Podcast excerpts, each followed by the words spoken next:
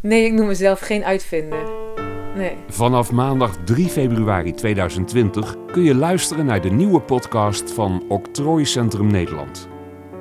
Aan het begin van de week van de circulaire economie gaan we op bezoek bij twee ondernemers met duurzame ideeën. Je hoort het verhaal van Aniella Hoytink. Zij maakt kleding van de wortels van paddenstoelen. Ik zie uh, verbanden tussen industrieën die andere mensen wellicht niet zien. Er was niemand die dacht dat je van mycelium kleding kon maken. Je ziet mogelijkheden waar anderen ze niet zien.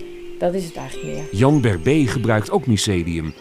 Hij ontwikkelt producten voor de bouw en verpakkingsmaterialen. Het materiaal dat ik hier in mijn handen heb, dat legt 2 kilo CO2 vast per kilo materiaal.